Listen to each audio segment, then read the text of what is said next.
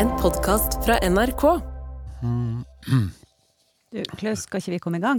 Eh, Jo, jo, jo, jeg bare sitter og funderer på hvem eh, språkforsker som skal begynne å svare i dag. Men eh, nå tror jeg faktisk jeg har bestemt meg, så da starter vi.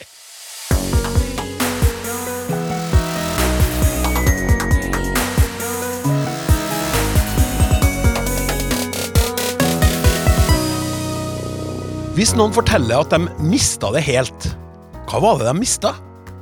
Hvorfor har ordet melodi blitt erstatta av låt? Rekk opp hånda, den som sier Noreg. Og hvem type folk syns det er greit å bytte ut hvilken med hvem?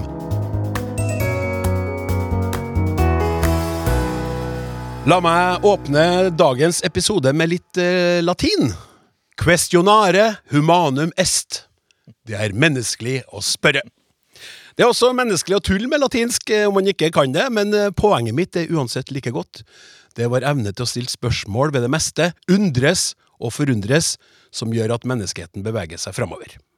Det finnes riktignok en rekke ting vi ikke greier å gjøre rede for, som eh, hvor blir det av sokken som forsvinner i vaskemaskina? Hvor stort er universet egentlig? Og hvorfor i alle dager klarer vi ikke å leve sammen i fredelig eksistens og behandle hverandre med respekt og forståelse? Men heldigvis så er det ikke sånne mysterier vi ser på her. De spørsmålene du sender inn til snakk.krøllalfa.nrk.no eller som SMS til 1987 med kodeord 'snakk', vil i de aller, aller fleste tilfellene bli godt og grundig besvart. Så også i denne utgaven av Språksnakk, håper vi, hvor vi har følgende eksperter på plass i studio. Fra Institutt for språk og litteratur ved NTNU i Trondheim, Stian Hårstad, velkommen. Mm, mange takk. Fra samme institutt, Anne Dahl, hjertelig velkommen til deg òg. Takk, takk. Og fra Universitetet i Tromsø, Noregs arktiske universitet, har vi gleden av å ønske velkommen tilbake en mann som dessverre aldri har hørt meg uttale etternavnet hans riktig, nemlig Øystein Vangsnes. Der var det. Vi har eh, tre stykk professorer, ett stykk programleder og en bunke med spørsmål klar i studio. Kan det bli bedre? Hei ho, let's go! Hæ? Ja, nå er dere, er klare nå? Ja, det er bra. Eh, eh, vi starter faktisk med Noreg. Det er en lytter som hevder at det her blir diskutert livlig på Reddit, som er et sånn diskusjonsforum på det store internettet, og vedkommende skriver Jeg mener bestemt at flere dialekter sier Noreg, blant annet i deler av Telemark. Tar jeg feil? Er det noen som sier Noreg? Det er jo nærere det gamle navnet enn Norge. Med vennlig hilsen Kind regards Midtgryssen JF von Sødergren.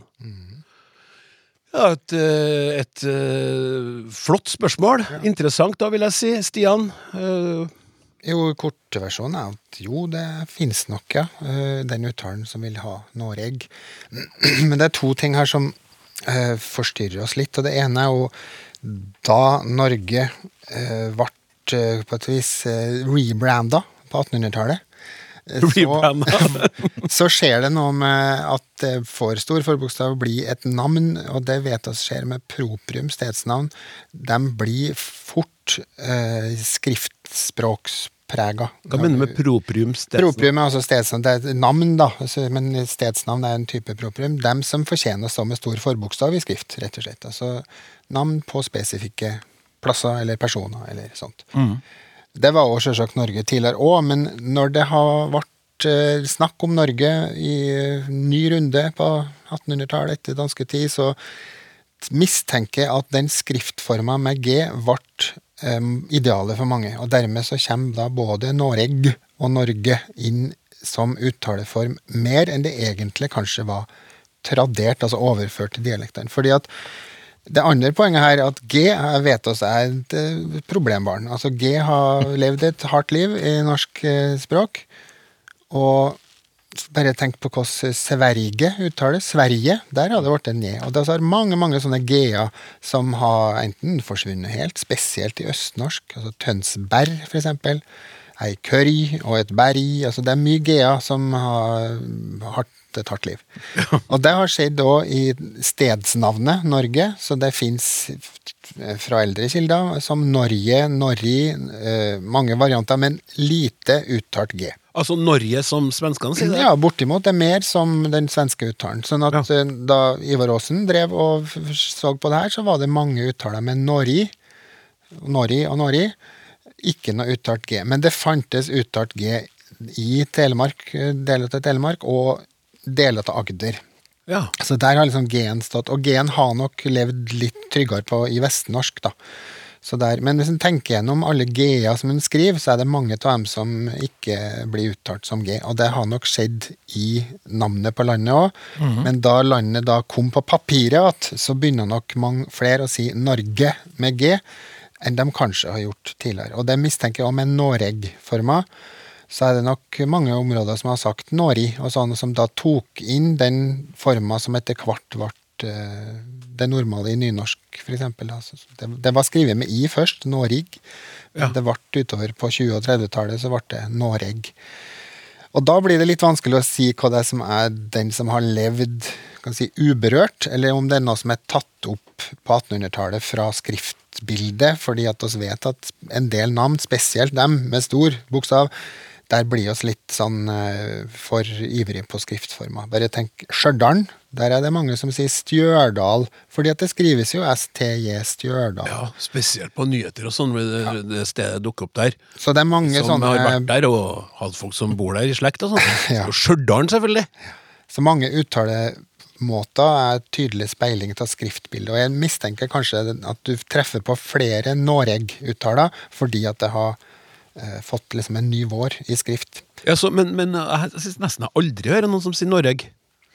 Men det er, for, det er mennesker som Det, er det finnes nok talemål, men det er, hvis de sier Noreg, så er det ofte knytta til et manus for eksempel, som er på nynorsk. da, sånn at da blir det kanskje nynorsk versjon. Men det er ganske få, ja, fordi at G i den posisjonen har blitt svekka i så mange sammenhenger. Det er bare altså ferdig, ferdig. Ja. Det finnes jo talemål som ut har med den G-en òg, i sånne sammenhenger, men mange mange G-er i den posisjonen, den er forsvunnet. Eller ja, blitt Ja. en J, sånn som i gi, eller i gikk. Du skriver på nynorsk. Det er jeg innimellom, ja. Ja, innimellom, ja. Og Øystein, du gjør jo det. Ja, innimellom. Ja, innimellom. Og dere er sånne, shapeshifters, som ja, sier på nynorsk, som vi alltid spøker med. Nei, men eh, eh, altså, har du på din språkvei eh, hørt mange som sier Noreg sånn i talen sin? Nei, det er jo Norge som dominerer. Det er helt klart det er det jeg sier sjøl når jeg snakker Sognamål. Ja. Så, men jeg tror jo at det, det kan være noe som kommer inn i løpet av eh, de 150 årene det er så godt, og 200 kanskje. Så jeg er helt enig med Stian der. tror på Stian. Mm, det sånn. det er godt. ja. Har du Jeg tror også på Stian. Jeg velger å bare tro på Stian. vel, Stole Stoler på Stian. I det meste. Men det er jo, det, et annet eksempel er å si Sverige så lett i dag. Det finnes jo mange kilder som viser at Sverige var uttalemåte. med Mange plasser i Trøndelag som har noe med, med Der Sverige var ganske nærtliggende, så var det Sverige som var uttaleforma. Ja. Skal vi feire til Sverige på harryhandel? Ja, til Sverige på Harry. Ja, ja, Ja. Det, så, sånn at de stedsnavnene har også hatt sin lokale form, men når de ble liksom plassert som stedsnavn i skrift og ble liksom store brands, da, mm. så, så er det lett for at vi har tatt over en annen uttalemåte. Ja. Sjøl om det kanskje har levd i en annen eh, variant i talemålet. Hvis eh, du som hører på nå er blant dem som sier Noreg, så gi lyd fra deg, da. Så det ble artig å høre eh, i din dagligtale, altså. Ikke i skrift eller når du holder en tale, men når du snakker på butikken eller eh, møter noen eh, rett før 17. mai, for eksempel. Og du sier Noreg, så gi lyd SMS til 1987 med kodeord 'snakk' eller 'snakk' krøllalfa nrk.no. Takk skal du ha, Stian!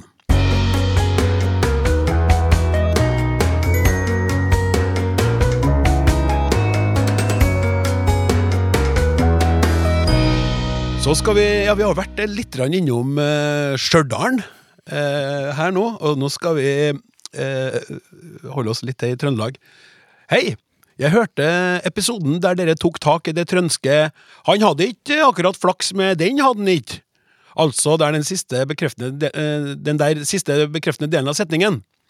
Jeg er trønder, riktignok ikke fintrønder fra Trondheim i byen, men lell. Ja, den, det er også ærlig at det er men lell. Det er også veldig trøndersk. Jeg har en kollega fra Tromsø som også bruker slike bekreftende slengere etter enkelte setninger. Jeg kjøpte meg en toy, gjorde jeg. Men toy, hvis noen lurer, det, det er lenge siden vi har hørt om det. Det er jo en tyggegummi. På Wikipedia så står det at i deler av Finnmark og, og i Solør i Innlandet bruker befolkningen fortsatt toy som begrepsderivat for ordet tyggegummi. Her er det riktignok noen fra Tromsø, men dog. Hun har bodd i Trondheim i nesten 20 år, men på meg virker det som om dette ligger lagret i Tromsø-dialekten. Bare trøndersk og trondheimsk er det kanskje ikke, da? lurer Kenneth. Anne, nå er jo naturlig Altså Kanskje du syns det er litt sånn at vi må kikke bort på deg bare fordi at du er nordlend nordlending? Nei, men jeg er jo den perfekte å spørre om det her. For du har Eh, også bodd en en Jeg er jo nesten denne kollegaen. Ja. Eh, Jeg er tromsøværing i Trondheim på 15 året. Så det her mener jeg at jeg må være rett person å, eh, å svare på. Nei, og det er jo ofte sånn at, at når man snakker om ting som er typisk for en dialekt og sånn, og det her er sånn som trøndere sier, og det her er sånn som nordlendinger sier, og så man begynner å tenke seg om, så kjenner man at nei, det er jo egentlig mange andre også som bruker det her uttrykket. Um, og når det gjelder akkurat det her med de her etterhengte gjentakelsene, så i forrige program eh, på Vårparten så etterlyste jo Stian mer forskning på det her, om det er spesifikt trøndersk eller ikke. Um, og det, jeg tror ikke noen har begynt på den doktorgradsavhandlinga altså, om bruken av de her uttrykkene ennå, så vi har ikke fått den forskninga. Men vi har altså meg, som da er nesten denne personen. Um, jeg vil påstå med ganske sånn stor skråsikkerhet at det her er veldig trøndersk, og Ja. ikke tromsøværingsk. Eh, Jeg kjenner veldig igjen toyen. Jeg vokste opp med å kalle all tyggis for toy. Ja, så da, da? Wikipedia bør oppdateres, da. Ellers så er jo jeg og kanskje denne kollegaen litt gammel, så kanskje vi har sluttet, folk har slutta med det i Tromsø. Men på 80-tallet så kalte jeg absolutt tyggis for toy, ja. Absolutt. Mm. Ja, fint. Men, men jeg Jo, gjorde du? Jo, det gjorde jeg. Ja.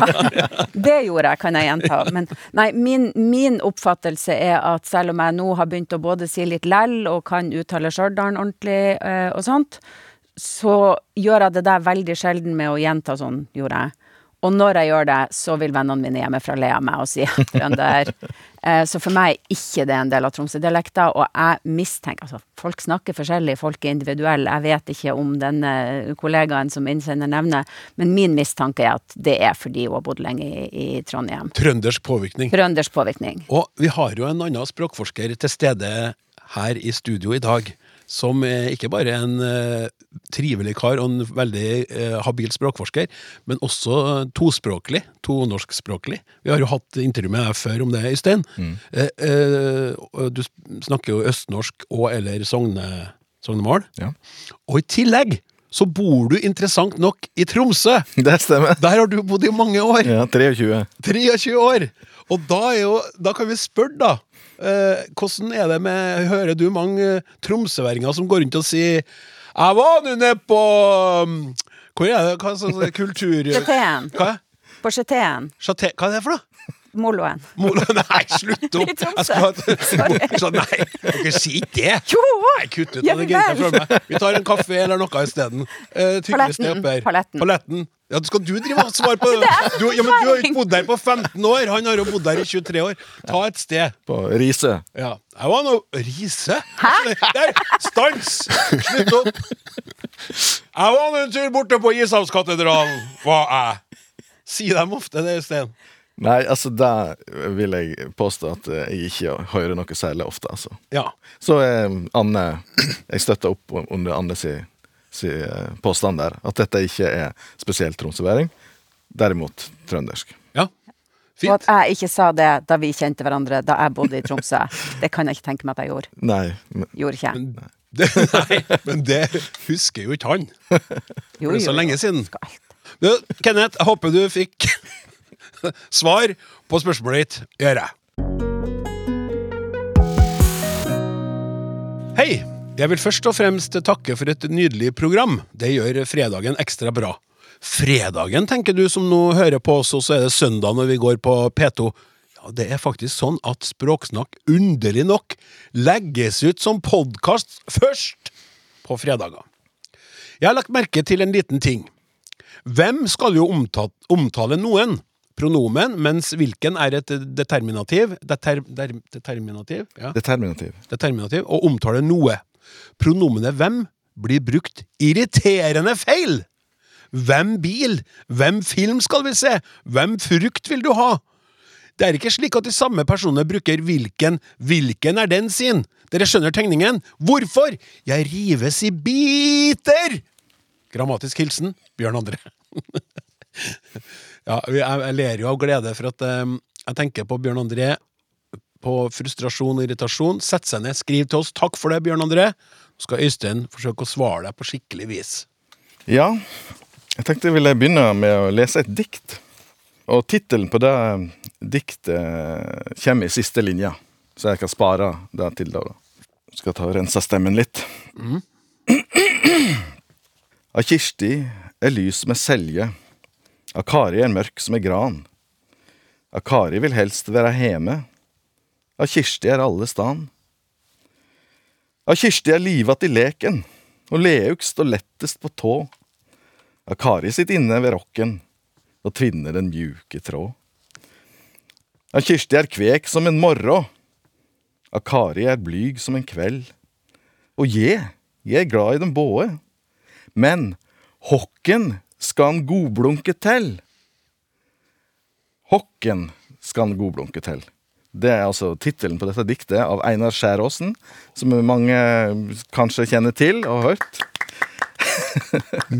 Og han kom jo da fra Trysil. Um, jeg vet ikke hvor uh, autentisk Trysil-mål dette her ble fra min, min side, men iallfall um, Hokken betyr jo hvem i, i uh, østnorske dialekter, og uh, hadde opphavlig en ganske stor utbreding. Altså uh, det, det ordet hokken og okken og andre former som ligner på det. da. Og det som er spennende med, med hokken, det er jo at eh, etymologisk sett, altså opphavet til hokken, er det samme som hvilken. Så uh, For at jeg begynte å lure noe på, på hvor vi skulle hen med Altså, jeg lurte på hvilken vei du skulle med Ja, ikke sant? Men det er det har, Akkurat! Samme eh, opphav som hvilken blir da brukt som pronomen, ikke sant? Eh, og eh, eh, Og det blir jo da òg i mange dialekter brukt som hvilken. Altså både hvilken og, eh, og hvem, da. Eh, I hvert fall er det det tradisjonelle mønsteret. Og så har jo ting forandra seg i løpet av eh, de siste hundre år. Sånn at, eh, men her baserer jeg meg delvis på opplysninger fra Norsk ordbok. Og Så det jeg vil eh, fram til, er egentlig at eh, hvis hvilken kan bli brukt som hvem, så må nå jammen hvem få bli brukt som hvilken. Hvis du Ja. skjønner. Jeg skjønner. Og det er jo på en måte svaret til han Bjørn André. da, at det, Vi har her å gjøre med eh, det vi gjerne kaller for grammatikaliseringa. Altså at eh, en, en bruk av et, et ord har forandra seg. ikke sant? Så det vi ser med hokken, er at det, det, eh, det har vært brukt sammen med substantiv, altså det som blir kalt for determinativ, da, som et determinativ. I gammel skolegrammatikk så snakker vi om ubestemte pronomen som sto sammen med substantiv. Og så har det fått et skifte der det Så utgangspunktet spør etter en, et eksemplar av noe, og så nå spør jeg etter en person, da. Eh, eh, ja.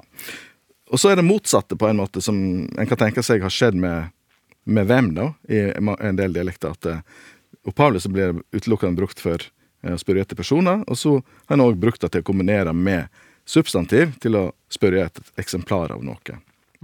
Og dette er ikke noe nytt fenomen. Um, um, I Amund B. Larsens eh, Kristiania bymål fra 1907 så uh, bemerker han det her fenomenet, da. Altså i Oslo. Altså, det fenomenet snakker vi nå som typ hvem bil, eller ja, ja, nettopp. Ja. Ja. Ja. Eller kanskje den gangen av hvem hest? ja kanskje det. Ja.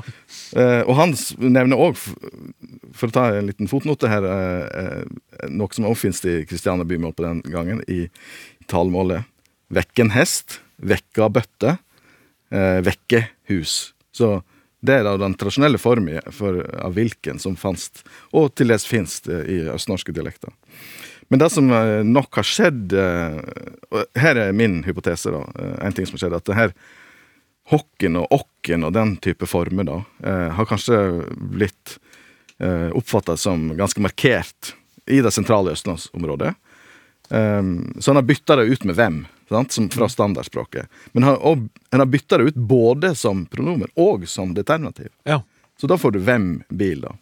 Der, Det, det er din teori, sier du? Ja, det er min teori, ja. Ja, Og, ja, ja det, det er greit, det. Du sitter nå her som språkforsker. Ja, fordi i Oslo sjøl så, så blir dette oppfatta som det, det, er ikke, det er ikke så vanlig der, da. Det er mer i, eh, på begge sider Oslofjorden sør, sørover. Som de Oslo. driver på med her, som, eh, som Bjørn André rives i biter av. Ikke sant. I. Østfold, Vestfold, Grenland osv.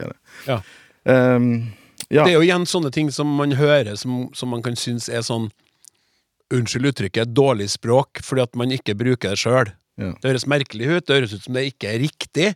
Men har du, som, som, som mye annet, vi har snakka om det så mye i dette programmet, Mm. det er jo dialektvarianter sånn som vi kan stusse veldig på når vi hører med andre ører. Og sånn som det her, det, det er sånn som jeg har reagert på. Jeg synes det, det virker som folk ikke hører at de sjøl snakker feil. Ja. Jeg skrev en gang en kronikk i Dagbladet, faktisk, eh, med tittelen 'Hvem dialekt liker du best?' Og det, da tok jeg nettopp utgangspunkt i, i, i eh, en del sånne frustrerte utsagn som jeg fant på, på, på nettet, da, Ja. om dette her. Og eh, en kan jo gå, prøve å gå inn på Kvinneguiden, så vil du finne en tråd som heter 'Hvorfor klarer ikke østlendinger å bruke spørreord riktig?' Den er ganske interessant. Ja. Så, eh, så det er klart eh, det, det, det er veldig Det er ikke vanskelig å finne eh, folk som reagerer på denne eh, bruken av, av eh, 'hvem', da, som determinativ. Men dem som bruker det sånn, gjør jo ikke noe feil, da.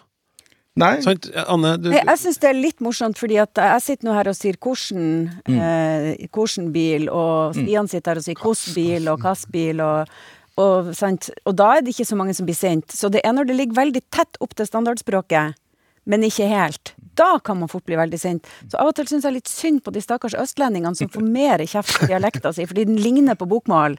Men når de gjør noe som ikke er helt bokmål, så er det plutselig feil norsk. Ja. Mens ingen vil jo si til meg at det er feil norsk å si hvordan bil, for det er du- dialekt. Nettopp, for du sier at Bjørn André skulle ha blitt revet i biter også av oss. Ja, egentlig. Av- Enten får man snakke bokmål, som jo ikke går an, eller så Ja. Nei, så østlendinger må få lov å ha ikke-standarddialekter, selv om Ja. de er tett. Og det her. Ordet 'hvilken' har jo òg en spennende etymologi. Altså Hvis du begynner å grave i bitene der, for det går tilbake på gam, gammelgermanske språk. da, som, eh, eh, Og det er sett sammen av eh, en form for, av kva, hui, og leiks i Dette blir jo eh, i ja, gotisk eller noe sånt. Og da, Og og, da er det siste ordet der, det er jo lik. Eh, altså i, som substantiv lik. Eh, form. Kropp. Ja, skjønner. Men jeg Altså- skal akkurat si sånn når vi tuller med nynorsk, quizleis, Ja, ja. ja, den kommer jo av Ja, den der var du nesten borti det. Jeg var nesten borti det. Men, Vi leis. men, men det betyr Altså, opphavet er egentlig hva slags. Ja. Så det har starta en helt annen plass i grammatikken. Og så har det bevega seg inn i eh, Ja, det har kommet inn i, i substantivfrasen. Og så har det fått en mer snever eh, bruk innenfor substantivfrasen. Og så har det, har det da òg vandra til pronomenbruken. ja. Og der, eh, hvordan kan jo ikke brukes til å spørre etter personer, da. Nei, så det, er en kan brukes til hva slags og hvilken. Ja, ikke sant. Ja. Og så, eh, men hvis, vi, hvis jeg kan eh, tillate meg en liten avstikker til Ja, det- svensk Det, helt kort. Helt kort. Helt kort. Ja, fordi hvis du ser på hvem i norsk og svensk, så er det sånn at uh, på svensk så må da uh, Svaret må være entall. Så hvis du spør på svensk hvem kommer på, på, på festen, så, så er det forventa at det er bare én person. Niklas! Ja, ikke sant? Hvem vet? Ikke du! Ja, hvem vet ikke du? Men, man, sier- jo det! Men- man vet ikke du, men, men men ikke, ikke alle ni. men hvis vi sier på norsk hvem kommer på festen, så er det Per Pål og Espen Askeladd. Ah, På svensk, hva gjør du da? Hvis du, ha, hvis du forventer at eh, svaret skal være flere? Vilka kommer på, på festen? Vika. Det ville ikke blitt det samme i sangen. Vilka vet, inte vi. ja, takk, Øystein. Takk skal du ha.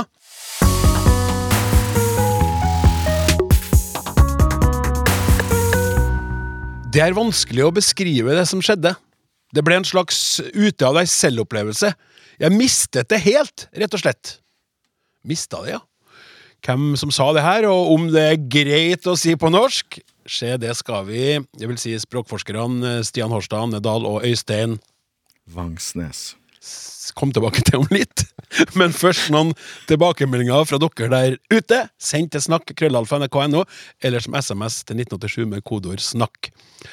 Og vi prata jo om det med å være misunnelig, om det fantes et annet ord for det å være misunnelig som også var positivt. Jeg vet ikke om det her ordet positivt, eh, eller om det bare er et negativt bergensord, men eh, Inger Margrethe Winther skriver Hei! Hører dere diskuterer om det finnes et annet ord for misunnelig. Det er jo knytta til ei sending for litt siden. I Bergen bruker vi tjusadeig, eller tjusadeg. Eh, Koser meg med et flott program. Hilsen Inger Margrethe Winther. Og så snakka vi om eh, forskjellen på fat og tallerken og asjett og sånn. Det var artig, syns jeg, da. Jeg hører på nå. Dere sier at man ikke spiser av fat. Jo! Her på Sunnmøre er fat et synonym for tallerken. Det er noe av det første jeg lærte av hun som nå er min ekskone. Fat, ikke har sett skråstrek middagstallerken. Vennlig hilsen Arne, Ålesund. Og enda et innspill i den eh, sammenheng. Hei, jeg har en kort kommentar til innslaget om fat, tallerken og asjett som ble diskutert i dagens Språksnakk. I min barndom på Hedmarken var tallerken noe vi spiste av, middagstallerken. Asjett en mindre tallerken vi spiste brødmat og kake av, noen ganger dessert. Fat var en større ting som ble brukt til å servere ting på, serveringsfat.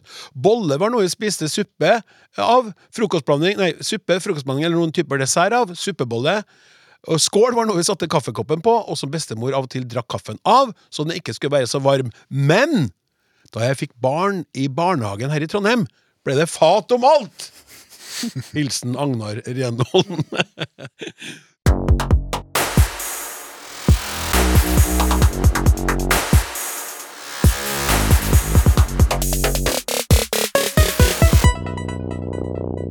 Hei, Klaus og dine gode hjelpere. Takk for supert program. Har akkurat hørt på Trønderepisoden. Er For litt siden hadde vi mye spørsmål knytta til Trøndelag, og det minnet meg på noe jeg stusset på. Hvorfor sier trønderne samtidig for samtidig og ørdobla for øredobber? Hvor kommer disse l-ene fra? Hilsen innflyttet østlending. Samtidig, samtidig, samtidig har vi vel vært innom jeg jeg tidligere, Stian, så det hopper vi over. Sier vi til innflytta østlending, det må du sjekke opp. Mm. Gå inn i appen NRK Radio og finn de herlige tidligere utgavene av Språksnakk og kos deg. Men ørdobla, ja.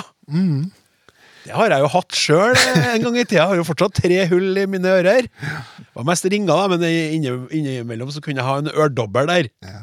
jeg sier ørdobla, ja. Så jeg er vel trønder nok. Ja. Ja, nei, hvor L-en kommer fra, det er jo ikke jeg vet ikke om jeg har så klart svar, men jeg kan jo prøve. For det første så vil jeg påstå at det er ikke så trøndersk. Altså Jeg driver og ser litt, så finner jeg at det, det er i bruk mange plasser i landet, fra Setesdalen og til Finnmark. Men det er kanskje mer brukt i trøndersk. Sånn at det er Vi er best på det. Best på det. Og da finner jeg forskjellige både stave- og skrivemåter som jeg kom på trøkk òg. Sånn at det er f.eks. annonse i Avis i Trøndelag med 'øredobbel mistet søndag kveld'. Det er jo en trist sak, men da skrives det 'øredobbel'. Ja. Men det er både øredoppel og ja, forskjellige uttaleformer. Eh, Men jeg finner også, altså, i- Telemarksavisa så var det f.eks. øredobbel til salgs tidlig på 2000-tall. Så er Ørdobbel. øredobbel, ja, ja Ja.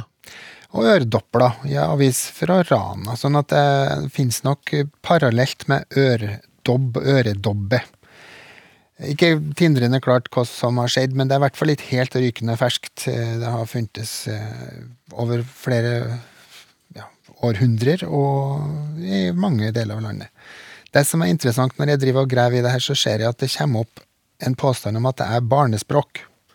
Er Noe som bare unger sier inntil de har lært det som er det egentlige.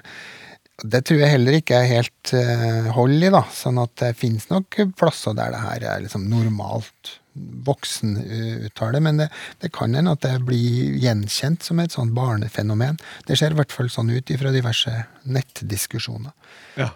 Men så var det Ellen, da. Hvor kommer den fra? Det, I utgangspunktet så er det jo en helt eh, fin måte å danne ord på, ikke bare i trøndersk, men i norsk. Å ha noe som slutter på el. Det har vi i mange ord, med høvel og drøvel og slyngel og rimmel og engel og sånne ting.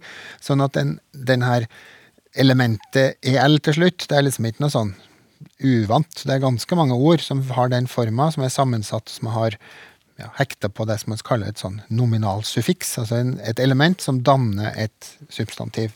da. Eh, De kan ha forskjellige bakgrunner, og kom både lånt fra tysk, og de kan være med oss helt ifra norrønt, så det er ikke så tindrende klart hva bakgrunnen er bestandig. Og dermed har oss òg litt forskjellig uttale, for det er jo forskjell på en slyngel og en høvel. Sant? Det ene har du en én L-type, og den andre har du en andre. Og det fins òg talemål i Trøndelag som kaller det en dippill, og ikke en eh, dobbel. Dipper? Dippill. ø- Øredippill? Øredippill, ja. I alle Eh, dager. det, sånne, Det må jo være helt feil. Sånn at det, det at et ord har den en sånn slutt, altså en L-slutt, det er relativt hyppig. Så hvis en ser for seg at at det danner mønster da, på noe slags vis, så er det, liksom, det, er ikke, det er ikke noe overraskelse hvis det skulle danne seg et mønster av sånne ord, for det finnes jo eh, mange. En annen tanke er at det, ha, det fins òg et dobbel-doppelord som har levd i mange talemål, som har med en dupp å gjøre, noe så lite som ligger og flyter i vannet. Som, ja, for å markere hvor eh, lina Altså, det er ofte Ja. da i, i sånn, og det er òg brukt som en sånn markør på, på ting. Altså en dupp det blir da brukt som at du har det på en sekk eller et eller annet som det er en merkelapp da på et eller annet vis. Så det er en liten ting du henger på nå.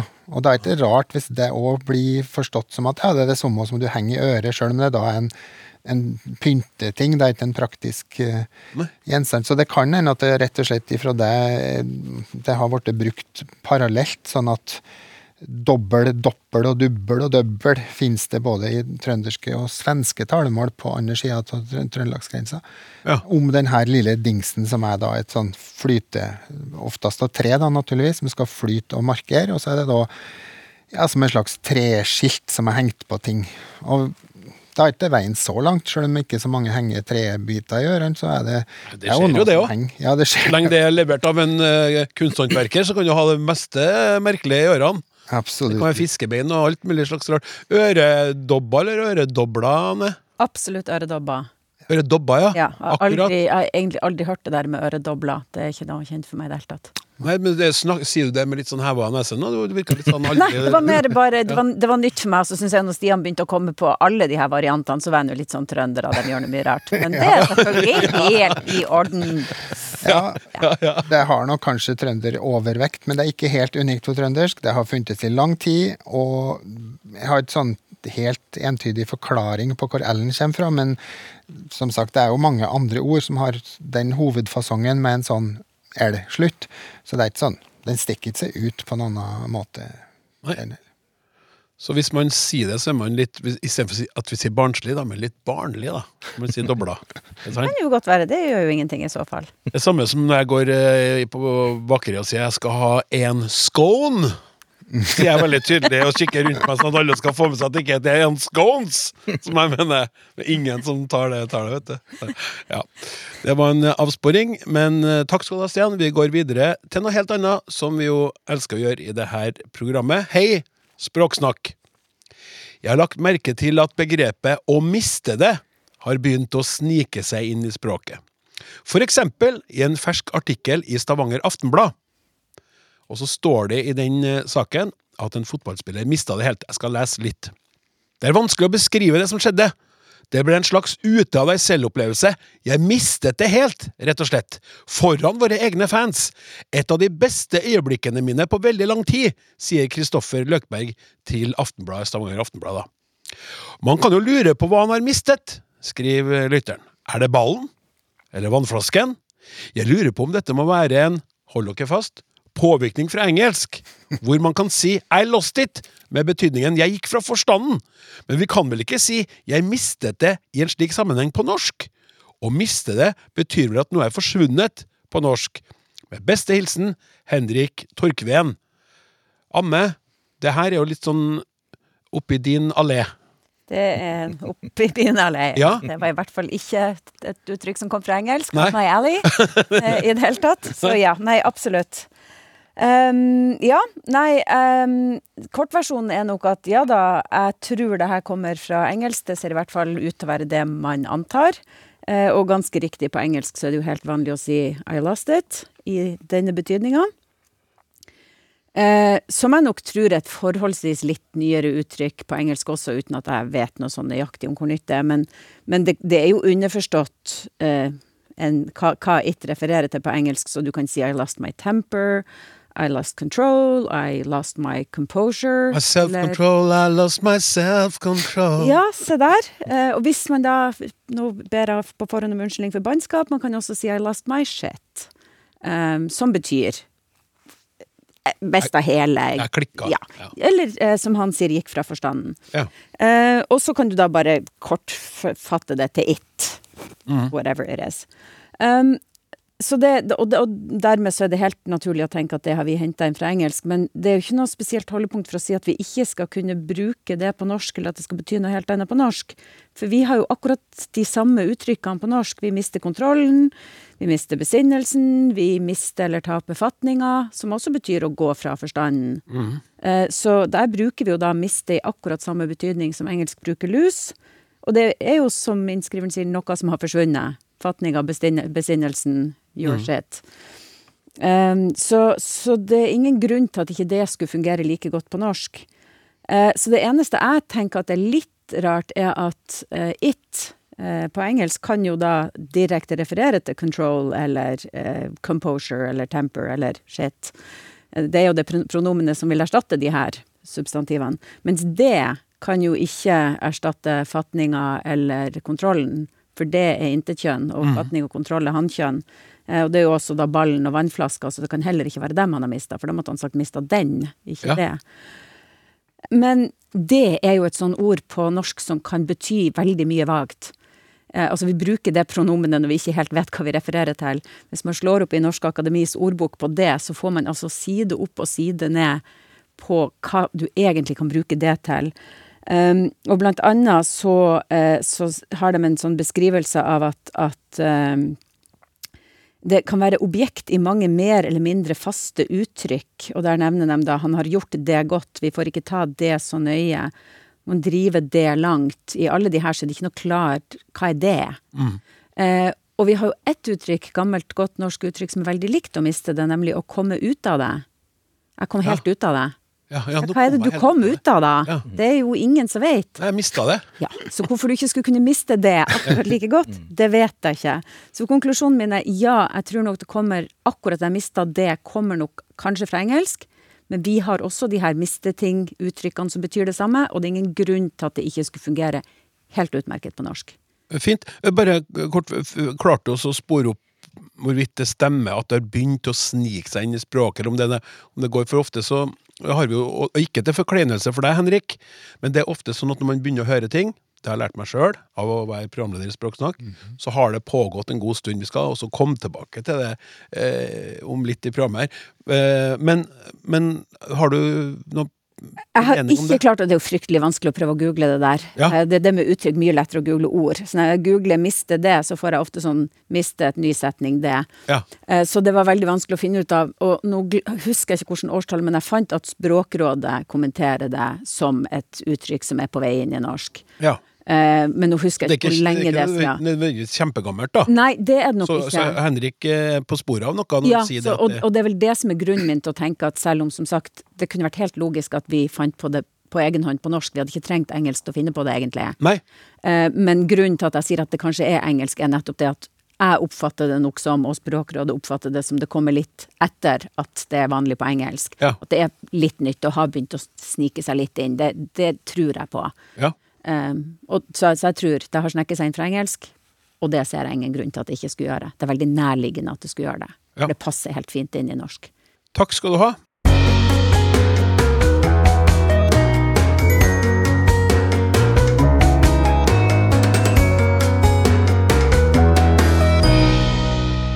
Nå skal vi over eh, til eh, noe som denne lytteren lurer på om er brukt særlig nordpå, i vårt langstrakte land.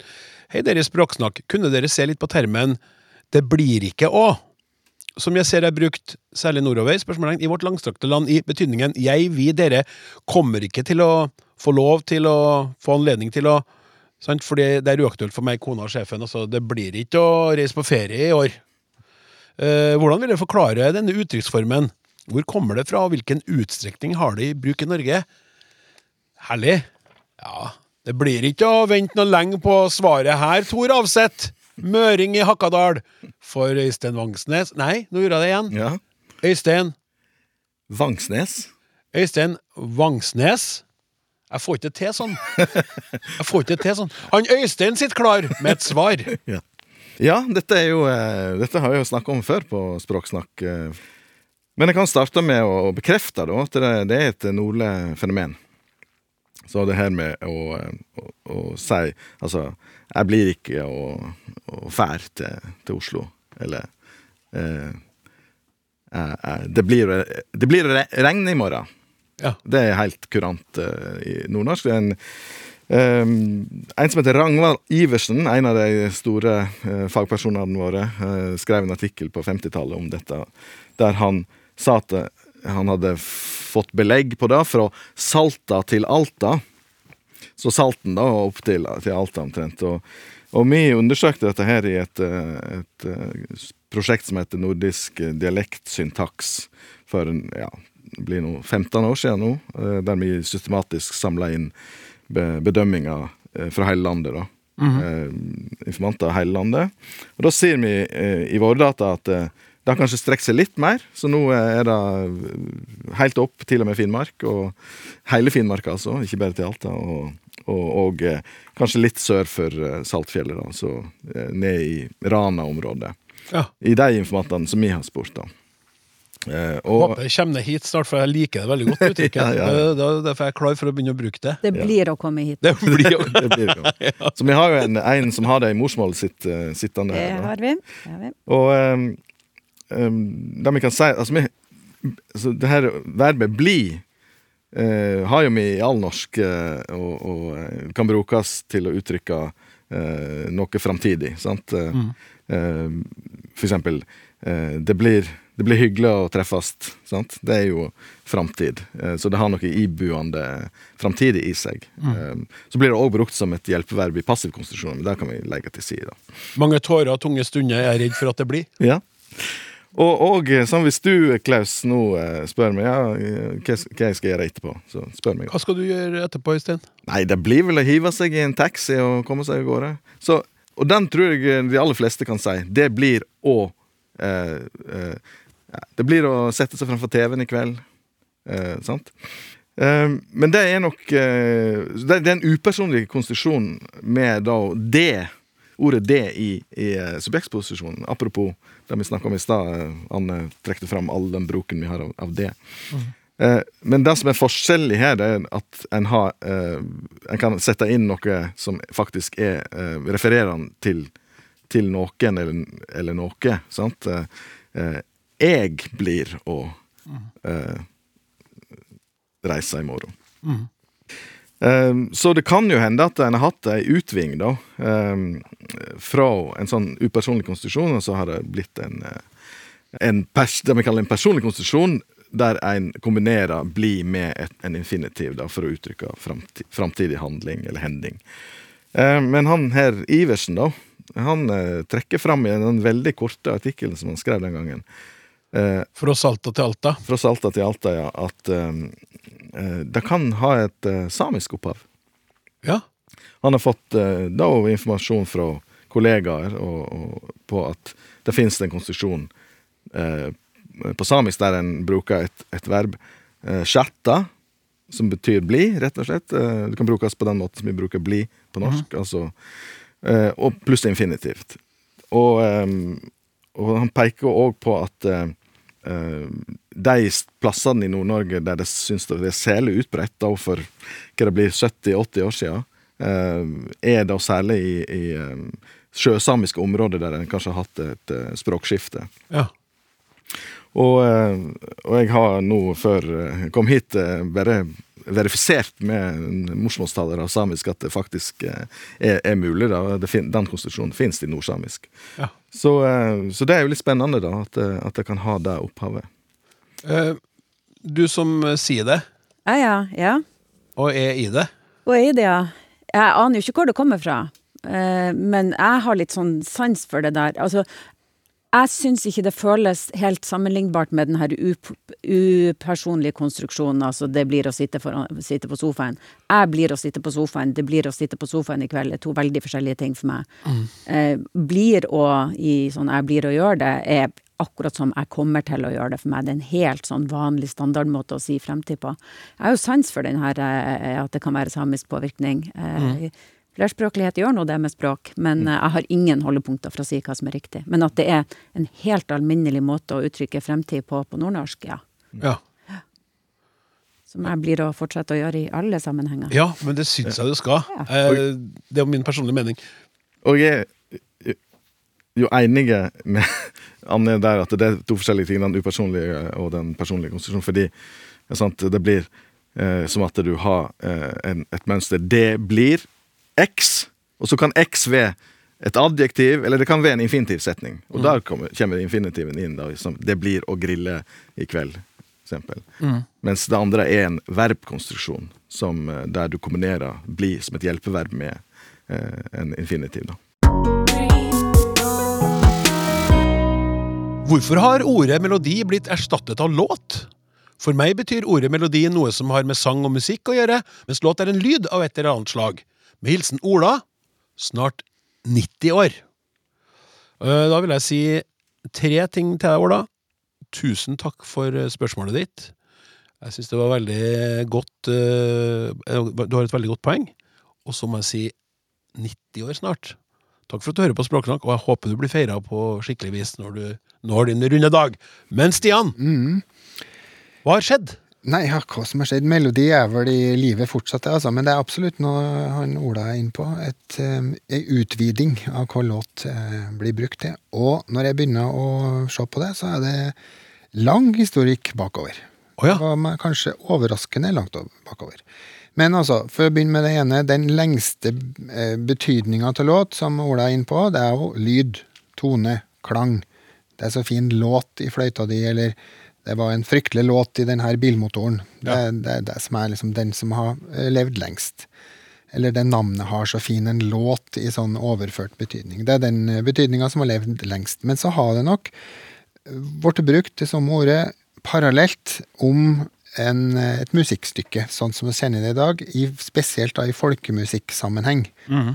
At du skal ta en låt med fela di, finnes altså på 1800-tallet allerede. Så det, det, har funtes i sånne sammenhenger.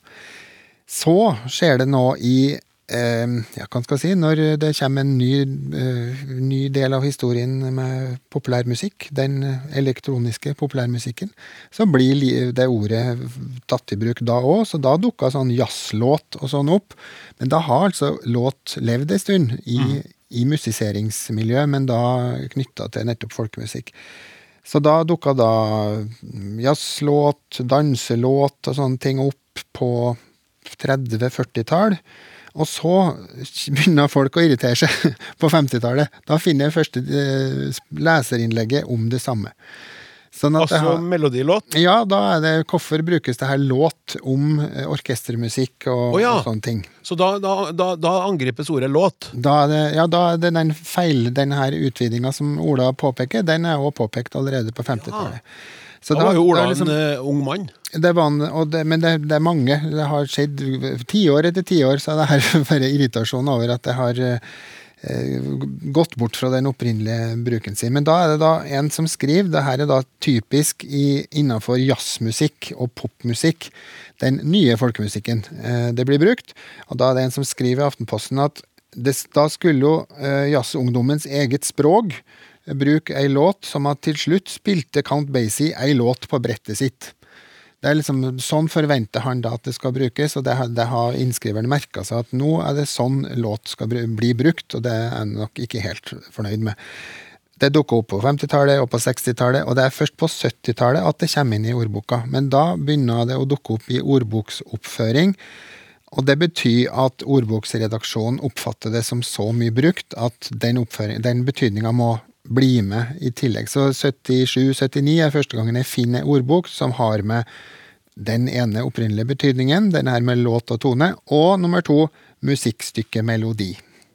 Ja, så, så flott. nå, nå savner jeg at du kom inn med melodi, for melodi har vært Det har helt- helt, ja. Akkurat. Så det var implisitt i, i svaret ditt nå at melodi har eh, gått Melodi har levd, det er- vanskelig å måle akkurat hvor hyppig det er, da, for det er jo et såpass mye brukt ord at du får liksom masse, masse treff. Men det er, den forandringa er at låt har ta, vokst opp og tatt over fra et mer sånn ja, folkemusikkdomene først, så et sånn eh, Den moderne folkemusikken, popmusikk, eh, jazz, eh, 50-talls, eh, kanskje litt subkulturkonteksten. Og så begynner det å bli så etablert at jeg finner til og med treff på en låt av Mozart, eller en, kan jeg skrive, en mel melodisk barokklåt av Bach, får jeg treff på. Akkurat. Det vet ikke om Mozart og Bach har vært så fornøyd med, men da, så da har du gått langt utafor det som man kan si er et, et popmusikk- eller folkemusikkdomene, over på til og med klassisk Se ser for meg at Mozart hadde syntes det hadde vært litt artig. Ja, det, det- det sånn godt punkert mulig. selv, men han Bach vet jeg noe mye om Bach. Men jeg, jeg, bare sånn kjapt, for det slo meg plutselig at når du sa å, det var en eh, fæl låt i bilmotoren din, eller Mm. eh, å, den låten, altså det navnet her, den låten av det navnet. Lyd har jo kanskje blitt så Vi sier jo lyden nå. Forferdelig lyd i bilmotoren din, sier jeg. Ja, det det, det, lyden av navnet ditt. Jeg bare vil- har lyst til å si det igjen og igjen. Kan det være Mm. Det kan hende at de har tatt over, at, at låt er blitt forbeholdt Ja. eh, musikkstykket. Ja. Det er rett og slett Bare en forsiktig teori fra en mm. eh, ja. Skal ikke, vi, vi kan stoppe der, for å si det sånn. Nei, men Det var litt artig med den der, eh, han som skrev låt av, på Count Basie, som spilte en låt på brettet sitt. Altså, eh, brett blir jo i dag brukt om eh, synter og den type keyboard. Ikke sant? Ja. Så, det, så det, det var liksom en spådom. Ja, fanga ja, Som eh, ja, en del slo til. Ja. Så snart heter det vel kanskje Låt Grand Prix òg. Ja. Se her, da. Det var jeg som uh, ser, det er artikkelen her. Det var jeg som sa brett først. Ja. Um, ok, takk skal du ha. Vi haster videre. Uh, nærmer oss eh, slutten på programmet, men ikke helt ennå. Hei! I TV- og radiosendinger hører man at de bruker flertall som for meg ikke stemmer helt med mitt språkøre.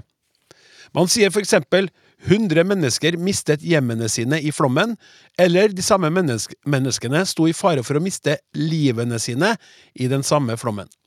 For meg høres det feil ut at de fleste bare har ett hjem, og i hvert fall bare ett liv, hvis man ikke er katt, da. Det virker for meg som de oversetter fra engelsk, hvor denne flertallsbruken brukes. Kan dere gi noen kommentar til dette? Med vennlig hilsen Regard, skrevet med RGRDS. Det er litt stille. Regards. Inge Løken. Kikke bort på deg, Anne. Du får Ja, ta den her. This one is yours. Opp min allé igjen. Ja, Ja. nei da. Eh, det her har jeg også merka meg. Og jeg er igjen enig med innsender, det her er nok eh, noe som kommer fra engelsk. Eh, for, for på norsk så ville vi ganske riktig som regel si at 100 mennesker mista livet. Um, men det er ikke nødvendig Og på engelsk vil de da- sagt 'they lost their lives'. Du kan ikke si 100 people lost their life. Det blir veldig rart på engelsk. Eh, og det ene er jo ikke egentlig noe mer logisk enn det andre, eller det er i hvert fall ikke noe sånn at den engelske måten er ulogisk, fordi at hvis det er 100 mennesker som mister livet, så er det jo faktisk 100 liv som går tapt da. Så det er jo faktisk en flertall her. Eh, og, og livet, er- der er det så åpenbart hvor mange liv man har hver, men si at eh, 100 mennesker mister hjemmet sitt. Oi, jøss, bodde alle sammen sammen i det samme hjemmet som de mista? Det er jo tvetydig den veien òg. Hvis du sier fire mennesker mista hjemmet, så vet du faktisk ikke om de mista fire hjem, eller ett hjem, eller et sted imellom. Um, så så det, det er ikke helt åpenbart logisk, det ene eller det andre. Um, og fordi at det jo faktisk er flertall vi snakker om, vi snakker om 100 liv og 100 hjem og sånt, men på norsk så kaller vi det, bruker vi entall for det, eh, og det kalles da for distributivt entall, eller fordelingsentall.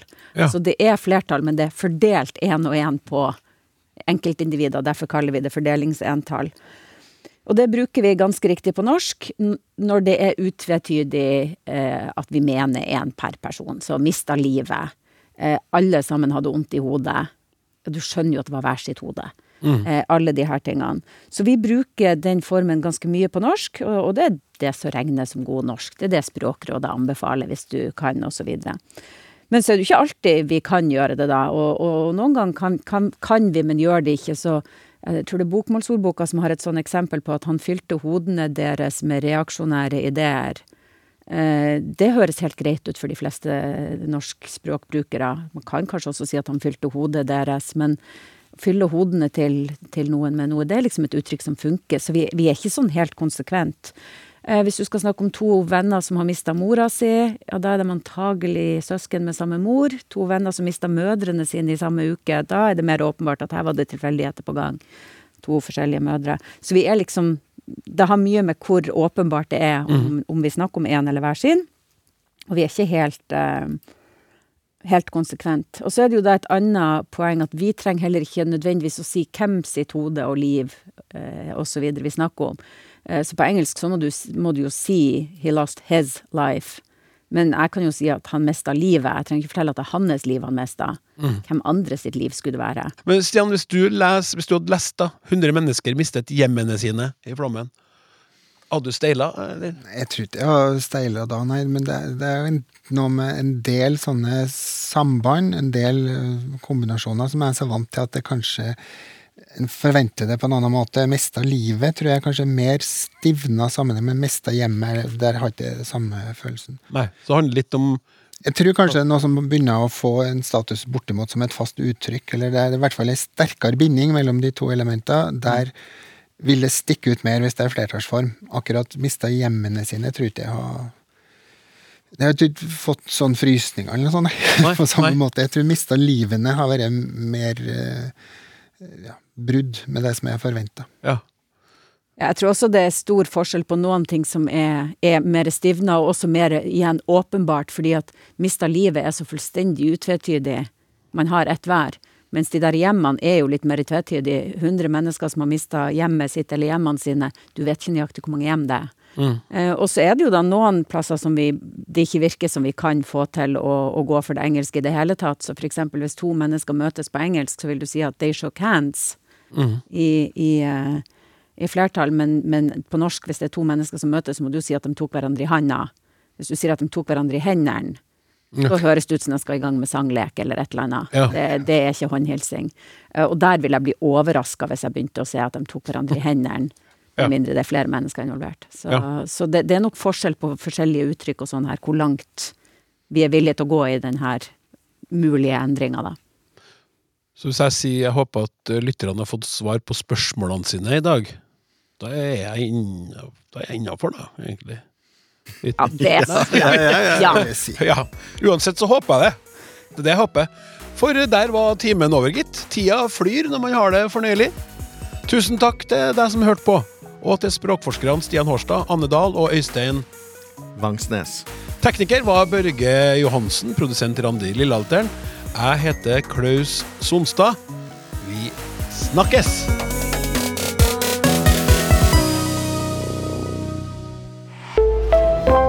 Podkast fra NRK. Hei, det er meg, Are Sende Osen. Han som er så glad i historien om de norske kongene, du vet. Nå kommer fjerde og siste sesong av podkasten Kongerekka. Og det er jo sånn, vi lever i en flyktig tid, og det er så vanskelig å få fullført ting. Men nå har du sjansen.